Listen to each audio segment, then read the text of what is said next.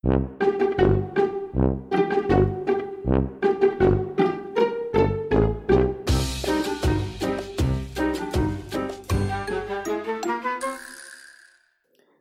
visiem drabas draugiem! Šī ir jau sestā, pirmspēdējā podkāsta drusku izglābt pasauli epizode. Šis ir papildinājums eh, mūsu YouTube raidījumam ar tādu pašu nosaukumu, un šajā epizodē, tāpat kā sestajā raidījumā YouTube, būs stāsts par jauniešu protestiem, par jauniešu aktīvismu.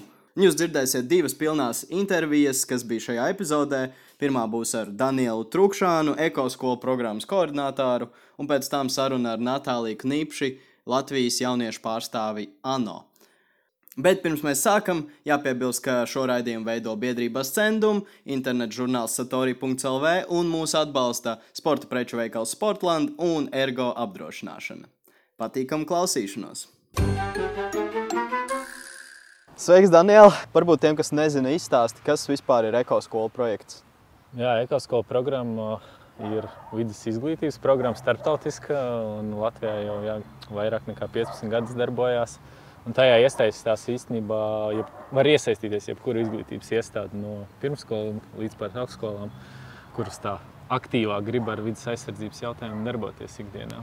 Mums ir arī augstskolas, kas ir ekoskolas. Es neesmu dzirdējis. No reģionālās ir vidzemes augstskola un Liepājas universitāte, jā, bet nu, pārsvarā aktīvākie to, aktīvākas tomēr ir skolas. Man jāsaka, vispār liels paldies šai ekoskolu programmai, jo es mācījos jau no pirmās klases ekoskolā.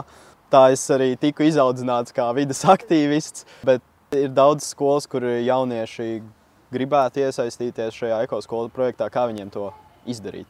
Pirmā lieta ir vienkārši vēlme kaut ko darīt. Otrs, man liekas, ļoti svarīgi atrast domu biedrus. Komandā vienmēr ir vieglāk un domu biedri pamatā tie ir jaunieši. Protams, jāgūst atbalsts arī no vadības, no skolotājiem, jo tas ir komandas darbs, lai panāktu tiešām skolas līmenī šīs pārmaiņas, samazināt to ietekmi uz vidi. Jā, un, un, un, man liekas, jā, jāatrod draugus vai no skolā vai apkārtnē, kas grib šīs lietas bīdīt. Bet kas ir tas, kas pieņem to lēmumu, ka šī skola būs ekoskola? Nu, droši vien vadība, diemžēl, jā. Jā, kā, kā jau parasti. Bet, ja tomēr skolā vadība ir uz skolēnu centrēta, tad vajadzētu būt, ka jauniešu iniciatīva tiek atbalstīta. Un līdz ar to jābūt vienam iniciatoram. Un īstenībā ekoskola programmu var aizsākt vecāki, jaunietis vai pats skolotājs vai vadība. Jā. Un uh, vienkārši aiziet, atrod to komandu, dombiedru grupu, aiziet pie vadības, apstiprina un viss un aiziet. Līdzīgi kā skolēni pašpārvalde, tāpat arī skolai ir ekopadome, kas darbojas, organizē dažādas pasākumus un nu, pievērš uzmanību visādām vidas problēmām, kas mm -hmm. ir mhm. skolā. Jā, jo man arī bija tāds uh, gadījums pēc tam mācoties gimnājā. Mums, diemžēl, nav daudz gimnāzijas, kas ir ekoskolas, un mēs gribējām būt pirmā gimnāzija, kas būs ekoskola. Tad uh, skolēni pašpārvaldē ar mērķi uz to gājām, bet būtībā pēc tam arī bija no skolas vadības nedaudz pretestība, un tādēļ tas uh, neizdevās. Vai jums ir bieži šādi gadījumi, ka skolēni vēlas, bet nevar iesaistīties.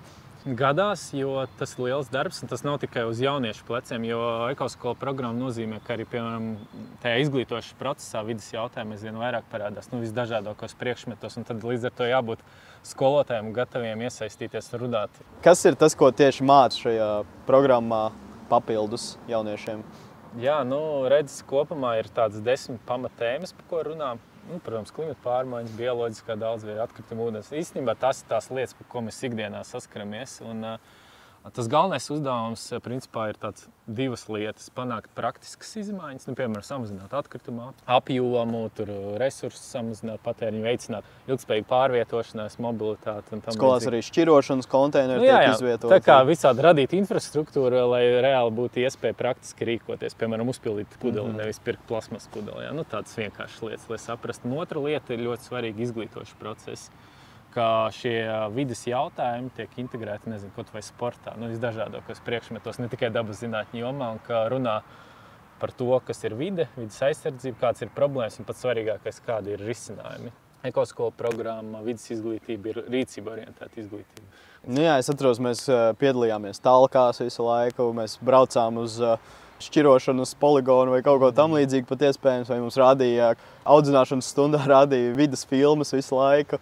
Es esmu piedzīvojis tikai sākuma skolā šo ekoskolu programmu. Mm. Kā tā atšķirās varbūt vidusskolās. Nu, tur, tur lielāka, jā, lielāka loma ir tieši jauniešiem. Jo, ja mazākajās, droši vien atceries, tevi vilka kaut kur. Jā, jā.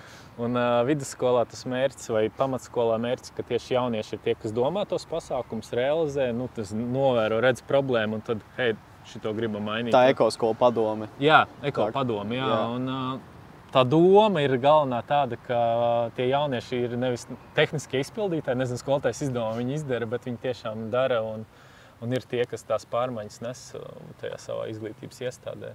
Un cik šobrīd ir ā, skolas, kas ā, nes šo zaļo ekoskolu karogu? Zaļo karogu tieši 110 skolas, bet kopumā 200 izglītības iestādes Latvijā. Nu, nav liels īstenībā skaits, ja zinu, cik kopā. Kāds vēl bija karogs? Ir Latvijas ekoskolas status, kad nav karoga. Pirmais solis, kad tu pirmo gadu saproti, kas ir tā programma, un otrajā gadā tu vari uz starptautisku, kas ir zaļais mm -hmm. karos, kas jau plīvo. Tu arī, nezinu, kopumā 70 valstīs to programmu realizēt. Dažādās valstīs, nezinu, uz Igauniju aizbrauc, vēl reku plīvo. Tāds pats arī Latvijā ir. Jā. Visi, man liekas, piekrīt, ka ir jauniešiem jāmāca par vidas jautājumiem vairāk, bet kādēļ šāda te programma netiek ieviesta pilnīgi visās Latvijas skolās? ieviest visā skolā, jābūt jau no augšas lēmuma, kā valstiska līmenī. Labs piemērs ir Ziemeļīrija, kur pilnīgi visas skolas ir uh, programmā. Un atbildi ir tāpēc, ka viņiem ir valstisks uzstādījums, nu, piemēram, pašvaldības līmenī, un arī valstiska vidas izglītība. Un, uh, Izglītība, ilgspējīga attīstība ir prioritāte. Līdz ar to nu, tas tiek popularizēts un visādi atbalsta sistēmas, bonusiņi, nezinu, tie pašiem skolotājiem, ka viņiem nav vakaros tas jādara, bet viņiem paredz laiku, un tas ir ļoti svarīgi. Pašreiz Latvijā tas tiešām balstās tikai uz entuziasmu. Bet, ja mēs gribam tādu plašumu, tad tur ir dažādi veidi atbalsts nepieciešams. Runājot par tādām politiskām pārmaiņām, ne tikai ekoskolās, bet vispār kāda ir tava pieredze, kā vislabāk panākt kaut kādas pozitīvas pārmaiņas?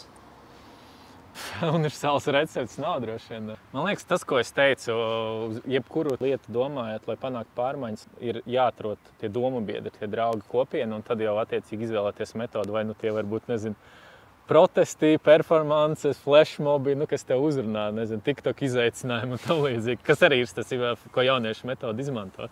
Izglītoši pasākumi, praktiski pasākumi, nu, jebkas tas varētu būt. Piemēram, tu vecākās klases iet jaunākām mācīt. Jums ir piemēri ar ā, jauniešiem no ekoskolām, kas ir izveidojuši kaut kādu savu vidas organizāciju vai kaut ko tamlīdzīgu? Tik, tikko nāca piemērs, mums bija konkurss par eko, ekoskolu balsi. Mēs taisām animāciju tieši par ekoskolu programmu, un tur arī tieši jaunieši iesūtīja. Un viena no jau- meitenēm tieši rakstīja, ka tieši grib jauniešu organizāciju izveidot pati 12, ne, cik 12 gan. Vairāk tādā neformālā līmenī. Jā. Jā. Tāpat ekopadome. Nu, tas ir tāds tusiņš jaunieši, kur viņi satiekās un domā un dara. Jā. Kas būtu tie soļi, kas būtu jāveic, lai izveidotu vidas organizāciju vai kaut kādu jauniešu protestu?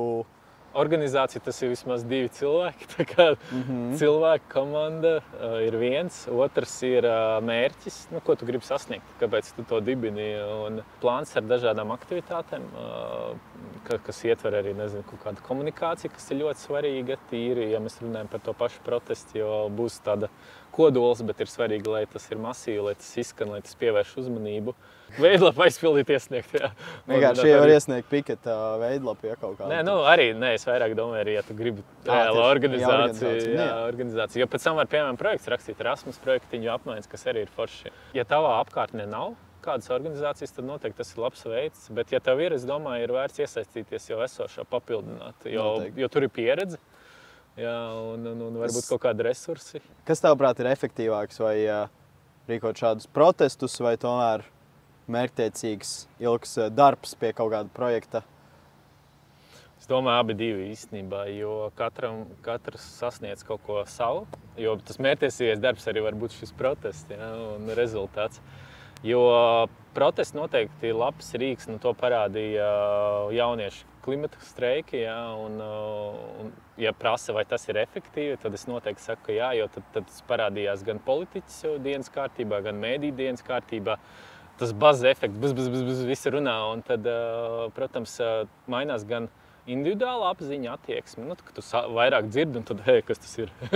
Kāpēc iegūlējam, jā, un otrs. Kas ir grēta? Jā, jā kas ir grūti. Kāpēc, kāpēc tas viss šis notiek? Un otrs, ka pēc tam politiķi ā, redz, jā, ka tas sabiedrībai ir aktuāli. Un tas tas elektorāts, jā, kas lemj. Un tad, ā, protams, arī politiskā līmenī mainās lēmumu. Man arī tā kopības sajūta. Man liekas, arī ļoti forši nu, nejusties vienam pašam.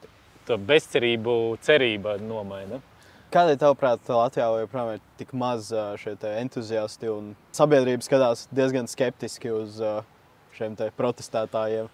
Tas, ka mēs kopumā esam jauna valsts, mums tā protesta kultūra vēl nav tik ļoti attīstījusies. Tas varētu būt viens. Un otrs, varbūt, ja runājam tieši par vidas aktīvismu, tad varbūt vēl ir nosēdies kaut kā ieskņojis tas mīts par zaļāko valsti pasaulē, ka tas mums nav vajadzīgs, ka mums ir citas svarīgākas lietas. Par jauniešiem runājot, bija arī pētījums par to, kas parāda, ka mums tā pilsoniskās līdzdalības kompetence, proti, tā vienkāršāk sakot, ka, ka tu zini, ko tu vari panākt, kā to panākt, kur to var, kā to var pas, pie, piedalīties lēmumu pieņemšanā, ka jauniešiem ir ļoti zema, vis, viszemākā, man liekas, no tā visa kopumā tikai 19% jauniešiem nu, bija tā pilsoniskā līdzdalības kompetence, un tas ir ļoti svarīgi. Man liekas, arī liela daļa vienkārši arī ja, jaunieši tomēr paši negrib to visu. Jā, nu, tas ir kaut kādi vecāki tāpēc... ieaudzinājuši to, ka tas nav vajadzīgs. Jā, nu, tas ir tas, ko es teicu par to kultūru un uh, pieredzi un vērtībām, kas mums bijis. Mēs tādi tomēr joprojām tādi viensēts variants mentalitāti, jā, un kaut kā mēs tādi kautrīgi un neesam tik ļoti uz ārā un neesam tik droši par sevi, ka mēs varam panākt, bet nu, mēs, mēs varam, ja mēs darām. bet tajā laikā ir arī jaunieši, kuri varbūt nav tik ekstraverti, kuri arī grib iesaistīties, bet viņi varbūt baidās vai nav tik pašpārliecināti, ko darīt viņiem.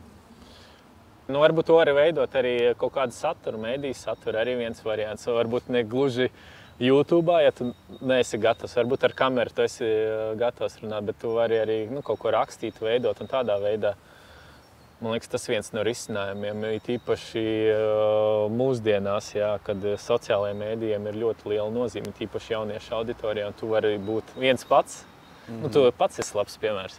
Nu, tas ir viens veids. Es jau pats sākumā nebiju tāds baigi, baigi drošs par to visu. Es vienkārši veidoju saturu un ar laiku jau sapratu. Pieredze, pieredze arī svarīga. Jā. Un, ne, ar laiku vienkārši es, cilvēki man iedrošināja, citi, citi vidas aktīvisti. Nu viens un arī, ka darot, jo tu gūsti pārliecību. Nu, mācies no kļūdām un uh, tam līdzīgi. Jā. Galvenais pamēģināt, galvenais maziem solīšiem. Uh, uzreiz nemēģināt izglābt pasauli, bet ar maziem solīšiem. Un, uh, nu, jā, kaut arī mainīt savā ikdienā būt tam labajam piemēram.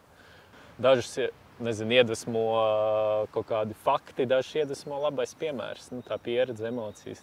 Tu pazīsti daudz jauniešu, strādā ar jauniešiem, kas ir šādi vidas aktīvisti. Vai ir jūtama klimata depresija šo jauniešu starpā, vai viņi mm. uztraucās, vai viņi ir skeptiski par to, ka viss būs slikti un tāpatās? Tagad pandēmijas laikā, nu, kad uh, tā mentālā veselība kopumā jauniešiem un motivācija mm, ne tikai par vidus aktīvismu, bet kopumā par mācīšanos tam līdzīgi ir ļoti zema. Nu, es ļoti priecājos. Man pašreiz tieši ir iespēja ar jauniešiem komunicēt, un uh, es esmu tiešām apbrīnojis tos jauniešus, ka viņi joprojām arī šajos laikos turpinās šiem vidus jautājumiem darboties. Bet uh, noteikti ir nu, tāds būtisks kritums šajā.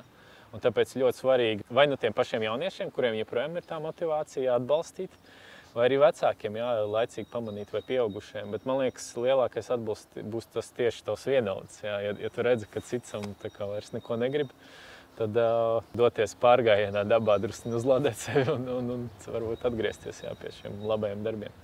Man viena no foršākajām pieredzēm bija ekoskola fórums. Kā jaunieši var iesaistīties tajā? nu viens, tu vari mācīties ekoskolā un tādā veidā iesaistīties, bet otrs labs veids, kā arī runāt par vidas jautājumu vai palīdzēt saviem vienaudžiem par to aizdomāties, ir arī iesaistīties komandā, būt par brīvprātīgo.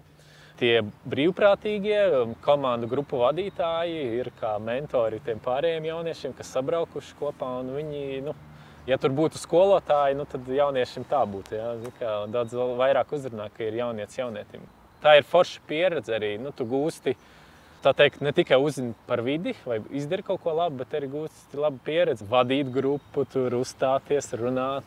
Tādas fundamentālās prasības, kas tev noderēs visur. Pārkāpjam sev nedaudz pāri jaunieši un eh, nekavējam laiku iesaistamies, jo klimats negaidīs. Natālija Knīpše, Latvijas jauniešu pārstāve ANO, tiesības zinātnes studente, un jauniešu aktīvisti. Pastāstīja, vai tā ir taisnība, ka šobrīd apvienotajā nāciju organizācijā tur viss runā par klimatu jautājumiem. Vai tas ir visizteiktākais, par ko viss runā? Nu, visizteiktākais noteikti ir ilgspējīgas attīstības mērķi, ko ANO ir uzstādījis. Starp tiem, protams, ir arī ar klimatu pārmaiņām saistīti jautājumi un tieši konkrēti arī klimata krīzes novēršana. Tu pārstāv tieši jauniešus, un uh, jaunieši tie, kas uh, visvairāk uztraucās par klimata jautājumiem, kā tieši jaunieši var vislabāk iesaistīties un vai vispār ir iespējams jauniešiem kaut ko izmainīt politikā? Tad daudz, daudz domu uzreiz galvā par to ir. Jo pirmkārt, vārds jaunieši man mazliet tracina tīpaši aktīvisma un politiskās iesaistas jautājumos, jo tas tevi kaut kādā veidā diferencē no jebkura cita cilvēka, kurš ir aktīvs līdzpilsonis, kurš var ietekmēt politiskos procesus un pilsoniskos procesus. Un otrs ir, ir politika, jo, manuprāt, politika ir ikdiena un tas ir kaut kas, ko daudz mūsu paudzes cilvēki nesaprot. Jo nu, tas viss, kas notiek saimā un un, un ministru kabinetā, un Eiropas parlamentā un ANO ir lietas, kas ietekmē mūsu ikdienu lielā mērā. Un tad tie iesaistas veidi pilnīgi noteikti ir sākti ar nevalstiskajām organizācijām vai projektiem, kā piemēram Eiropas jauniešu parlaments vai Fridays for Future vai kaut kas tamlīdzīgs, kur tev tiešām ir kaut kas, kas tev interesē un, piemēram, saistīts ar klimatu pārmaiņām, kas arī būtu jauniešu organizācija protests vai tas pats Fridays for Future.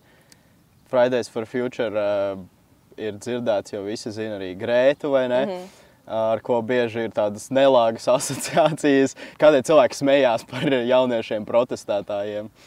Manuprāt, īpaši Latvijā man ir sajūta, ka mūsu paudze ir tāda aktīvistu paudze. Jo pirmo reizi mēs varam uztraukties un iestāties par lietām, kas mūs varbūt līdz galam tieši neietekmē. Tā kā pagājušā vasarā bija protesti par Baltkrieviju, un tagad arī ļoti daudz mēs diskutējam par, par dažādiem konfliktiem, kas notiek. Un klimata pārmaiņas ir viena no tiem vienojošais faktors, kas ietekmē pilnīgi visu planētu, neatkarīgi no tā, kur tu esi. Un, manuprāt, tā neizpratne par protestiem rodas, jo cilvēki līdz galam varbūt nesaprot protestu tiešo ietekmi gan lielākā spektrā, gan arī uz tiem cilvēkiem, kas iesaistās šajos protestos un tas, kā viņi var paust savu pārliecību, savu viedokli un savus uztraukumus. Vai tu zini kādu konkrētu piemēru, varbūt tepat Latvijā, kā protesti ir ietekmējuši kaut kādu likumdošanu un uzlabojuši situāciju? Manuprāt, viens no spilgtākajiem piemēriem bija par dzīvnieku iesaisti cirkos, kas, manuprāt, tika panākts lielā mērā NVO sektora darbības dēļ. Un, protams, nu, tas ir sarežģīts process tieši tāpēc, ka jauniešu aktīvisti ļoti bieži netiek uztverti nopietni. Un, ja tev ir tā iespēja sēdēt pie tā lēmuma pieņemšanas galda, tu parasti esi viens jaunietis, kas pārstāv visus, kas faktiski nu, nav iespējams, ir īpaši, ja ir kolidējošas intereses. Tas ir tas vienīgais lielais trūkums protestiem, ko es saskatu, ir tas, ka nav pēc tam mehānismu, kā to turpināt. Un tāpēc arī es, piemēram, cenšos, kad organizēju diskusijas vai kaut ko tamlīdzīgu, pārliecināties, ka galā ir kaut kāds dokuments, kaut kāds papīrs, kur ir skaidrs idejas un skaidrs, skaidri identificēta problēma jautājumi, lai var virzīties uz priekšu ar to, kas faktiski ir, ir pārunāts un par ko mēs arī protestējam un iestājamies. Tad tas arī būtu tas eh, labākais veids, kā to darīt, vai kā jaunieši var panākt šīs pārmaiņas vislabākajā veidā.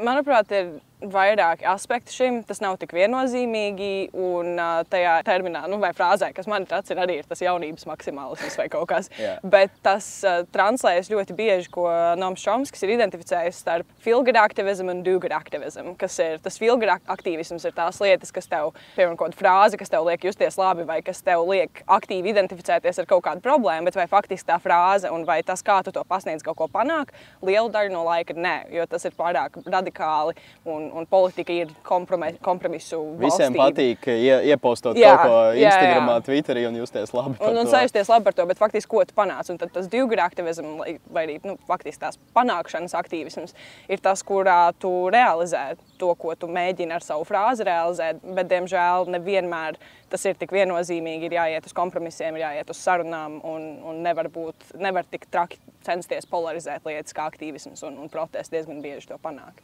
Kāds ir tavs lielākais sasniegums, tavuprāt, ko tu esi panākusi? es nezinu. nu, um, es es neesmu konkrētas sfēras aktīvists. Teiksim, tā, man mhm. nav viena lieta, par ko es iestājos. Tas jauniešu aktīvists. Jā, es esmu, es esmu teiksim, tā, jauniešu aktīvists. Jā. Nu, es iestājos par tām lietām, kas man ir svarīgas. Un, uh, tas labākais, ko es saskatu no sava, savas ikdienas darbības, ir tas, kad ir cilvēki, kuri man pēc tam pienāk klāt un pasaka, ah, es par šo vispār neko nezināju. Paldies, ka tu man palīdzēji iedziļināties tajā un tajā tēmā. Un tās mazās, lēnās pārmaiņas arī ir tas, uz, uz ko es tiecos. Jo, jo citādi es nezinu, kā to visu var kopumā sasniegt, ja mēs nemainām retoriku par to, kā mēs runājam par konkrētām lietām un kā mēs dzīvojam savas ikdienas faktiski. Tāda sajūta, ka aktīvisms prasa ļoti daudz enerģijas, ļoti daudz iesaistes un cilvēku laika, bet ne visiem ir šis laiks pieejams. Kas ir tie mazākie veidi, kā var iesaistīties? Nē, es pilnībā piekrītu. Ir tāda ļoti labi zināma lieta, kā aktīvistu nogurums. Jo, kad tu esi cilvēks, kurš sevi uzskata, es nezinu par aktīvistu vai gribi būt aktīvists, un uz to tiecās, tu konstanti lasi un, uh, un runā ar cilvēkiem, mēģini izglītoties, lai pēc tam dalītos ar to informāciju tālāk. Un visu laiku tāds sajūta, ka tu kaut ko palaidi garām un, uh, un par kaut ko nerunā gana daudz. Bet Es teiktu, ka labākais veids, kā sākt, ir padarīt sevis informēšanu par ieradumu. Jo, nu, manuprāt, dzīvojot mūsdienu pasaulē, ja tu esi gan informēts par to, kas notiek apkārt, tu nevari par to līdz galam klusēt. Kaut vai runājot ar saviem draugiem vai ar savu ģimeni. Aktīvismam nav obligāti jābūt uzreiz tādām darbībām, kādas veids, piemēram, Grēta. Bet tas sākas ar kaut ko mazāku sākotnēji, gluži tāpat kā viņai tas sākās ar kaut ko mazāku. Tas ir ciklisks ieradums, kas ir jāveido, tīri informēt sevi, informēt citus un, un lēnā garā pat neuzliekot sev to aktīvistu birku, tu, tu kļūsti par aktīvistu. Tāpat kā lēnā garā neiesaistoties politikā, tu faktiski iesaisties politiski, politiskās izšķiršanās jautājumos. Jā, man jau arī tas nebija sākumā ar tādu nodomu, es būšu aktīvists, vienkārši gāju un runāju par eh, tēmām, kas man ir svarīgas. Mm. Vai tu skaties optimistiski uz, eh, uz mūsu nākotni, vai tev liekas, jauniešu cilvēku spēkos ir izmainīt šo klimata krīzi? Es domāju, ka pilnīgi noteikti. Ja es atbildētu, ka nē, tad ko tad mēs vispār darām? kā, nu, es uzskatu, ka pilnīgi noteikti, jo jaunieši jau ir tā cilvēku grupa, kas panāca to, ka šie jautājumi ir tik aktuāli pēdējo gadu laikā, it īpaši. Un es uzskatu, ka ja mēs esam gatavi pieņemt to, ka jauni cilvēki ir daļa no risinājuma, un es nerunāju tikai par mums, bet par tādu lielāku mēs kā sabiedrība un, un citas vecuma grupas, tad tam nevajadzētu būt šķērslim. Vecumam nevajadzētu būt uh, definējošam faktoram tam, vai cilvēks var vai nevar uh, radīt būtiskas izmaiņas savā ikdienā un savā nākotnē. Tieši par klimatu. Nu, ja neņem tās klasiskās consumer behavior lietas, tad Es pat nezinu, godīgi. Nu, NVO sektoram vienmēr vajag palīdzību, vajag cilvēkus, kas iesaistās. Tas, tas aktīvisms arī ir tāds burbulis ar cilvēkiem, kurā tev vienkārši ir jātiek iekšā. Un tad, uh, un tad arī tas ir viss, un tu viņā tiec iekšā, izrādot kaut mazliet interesi. Man liekas, ka vienmēr var atrast, ko darīt, ja tu atrod to, kas tev interesē. Un tas, man liekas, ir pats galvenais. Jo būt aktīvistam par kaut ko, kas tev neinteresē, tur nevar īsti būt. Vai aktīvisms ir atdalāms no politikas, vai, ja tu gribi būt aktīvists, tev uzreiz. Uh jāiet politikā arī iekšā. Manuprāt, aktīvisma gala produkts ir politika un politiskas izmaiņas un, un izmaiņas uh, normatīvajos aktos, piemēram.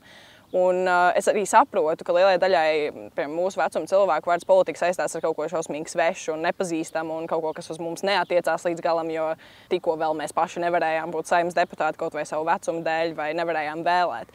Bet Pilnīgi noteikti. Tu vari būt aktīvists, neiesaistoties politikā. Aktīvistiem ir dažādas lomas, ko viņi ieņem, dažādas funkcijas, ko viņi pilda. Bet tas galvenais ir politiskas pārmaiņas, jo ar sabiedriskas pārmaiņām vien lielākoties nevar panākt tos lielos mērķus, kas ir balstīti institucionālās problēmās. Vai tev šķiet, ka lielākā daļa ir tādi aktīvisti, kas ir tikai uh, feel good activism, jā, jā. vai tomēr arī sociālajie mēdīji var radīt kaut kādas pārmaiņas? Kā mēs varam sociālos mēdījus izmantot labāk? Nu, es primāri sāku darboties sociālajos mēdījos, un tikai tāpēc, ka man sāka sekot ar vien vairāk un vairāk cilvēku, man ir bijušas tās iespējas, kas man ir bijušas. Tā kā es teiktu, ka tas ir diezgan absurds pieņēmums teikt, ka sociālajie mēdīji nepalīdz vai neietekmē vai nerada faktiskas pārmaiņas. Problēma, kas ir sociālajos mēdījos, ir tas, ka ir ļoti daudz tādu kvazi aktīvistu, kas sevi pozicionē kā aktīvistus, bet faktiski ir pasīvisti, un, un, un tur nekas tālāk arī nenotiek. Bet es teiktu, ka kamēr cilvēks ir gatavs informēt sevi, izglītoties, sekot satura radītājiem, kas liek jēdzīgu saturu un pavadīt to laiku, ko tu pavadi, nezinu, Instagram, Twitterī, TikTokā, kaut ko iemācoties, nevis tikai uh, strīdoties, tikmēr tam ir produktīvs um, iznākums kas tiešām arī faktiski nodara, mēģinot panākt kaut kādas pārmaiņas. Jo, piemēram, kad man ir nepieciešams uzzināt jauniešu viedokli par kaut ko, es varu uztaisīt aptauju, es varu padalīties ar cilvēkiem, cilvēki tālāk dalās ar to. Mēs arī nezin, neuzzinātu par lielāko daļu protestu, piemēram, kas notiek, ja mums nebūtu sociālajie tīkli, kā ar tiem dalīties. Un aktīvisms pēdējo gadu laikā ir kļuvis par tādu modes lietu. Mm -hmm. un, un, piemēram, kad es sāku runāt par politiku un pilsoniskiem procesiem pirms kādiem, nezinu, aptuveni pieciem gadiem, man atsakoja vairāk tūkstoši cilvēku. Viņi bija tāds, man šis vispār neinteresē, ko tu vispār iedomājies, ka mēs par šo runājam. Un tad gadu gaitā, pēdējo nezinu, pāris gadu laikā, tie cilvēki ir sākuši nākt atpakaļ. Jo tā interese un tas, ka tev rūp kaut kas lielāks par sevi, ir palicis par kaut ko tādu. Nu, stilīgi. Tā arī tas, tas radās sākumā. Daži tie aktīvie, kas to dara, un mm. pēkšņi visi to dara. Mm. Tas ļoti skaisti. jā, jā. Nu, katrs var padalīties ar Black Lives Matter melno kvadrātiņu, bet nu, tas ir turpināšana, tā ir iedziļināšanās un, uh, un jēgpilna sociālo tīklu un tā resursu izmantošana. Es teiktu, arī feel good activism. Jā. Kaut kādā veidā tomēr varbūt tu neko neizdari, jā, jā. kāds cits ieraudzīs un kaut jā. ko izdarīs. Tā kā, tas, tas arī ir labi. Man ir cilvēks stāstījuši, ka viņi tur lasa, piemēram, ko es esmu ielikusi par feminismu tēmu vairāk un, un saprot, ah, es ikdienā šo daru, es to nebiju sapratis pirms tam un tad attiecīgi izmainu savu, savu rīcību. Paldies tev, Natālija! Paldies tev, Edgars!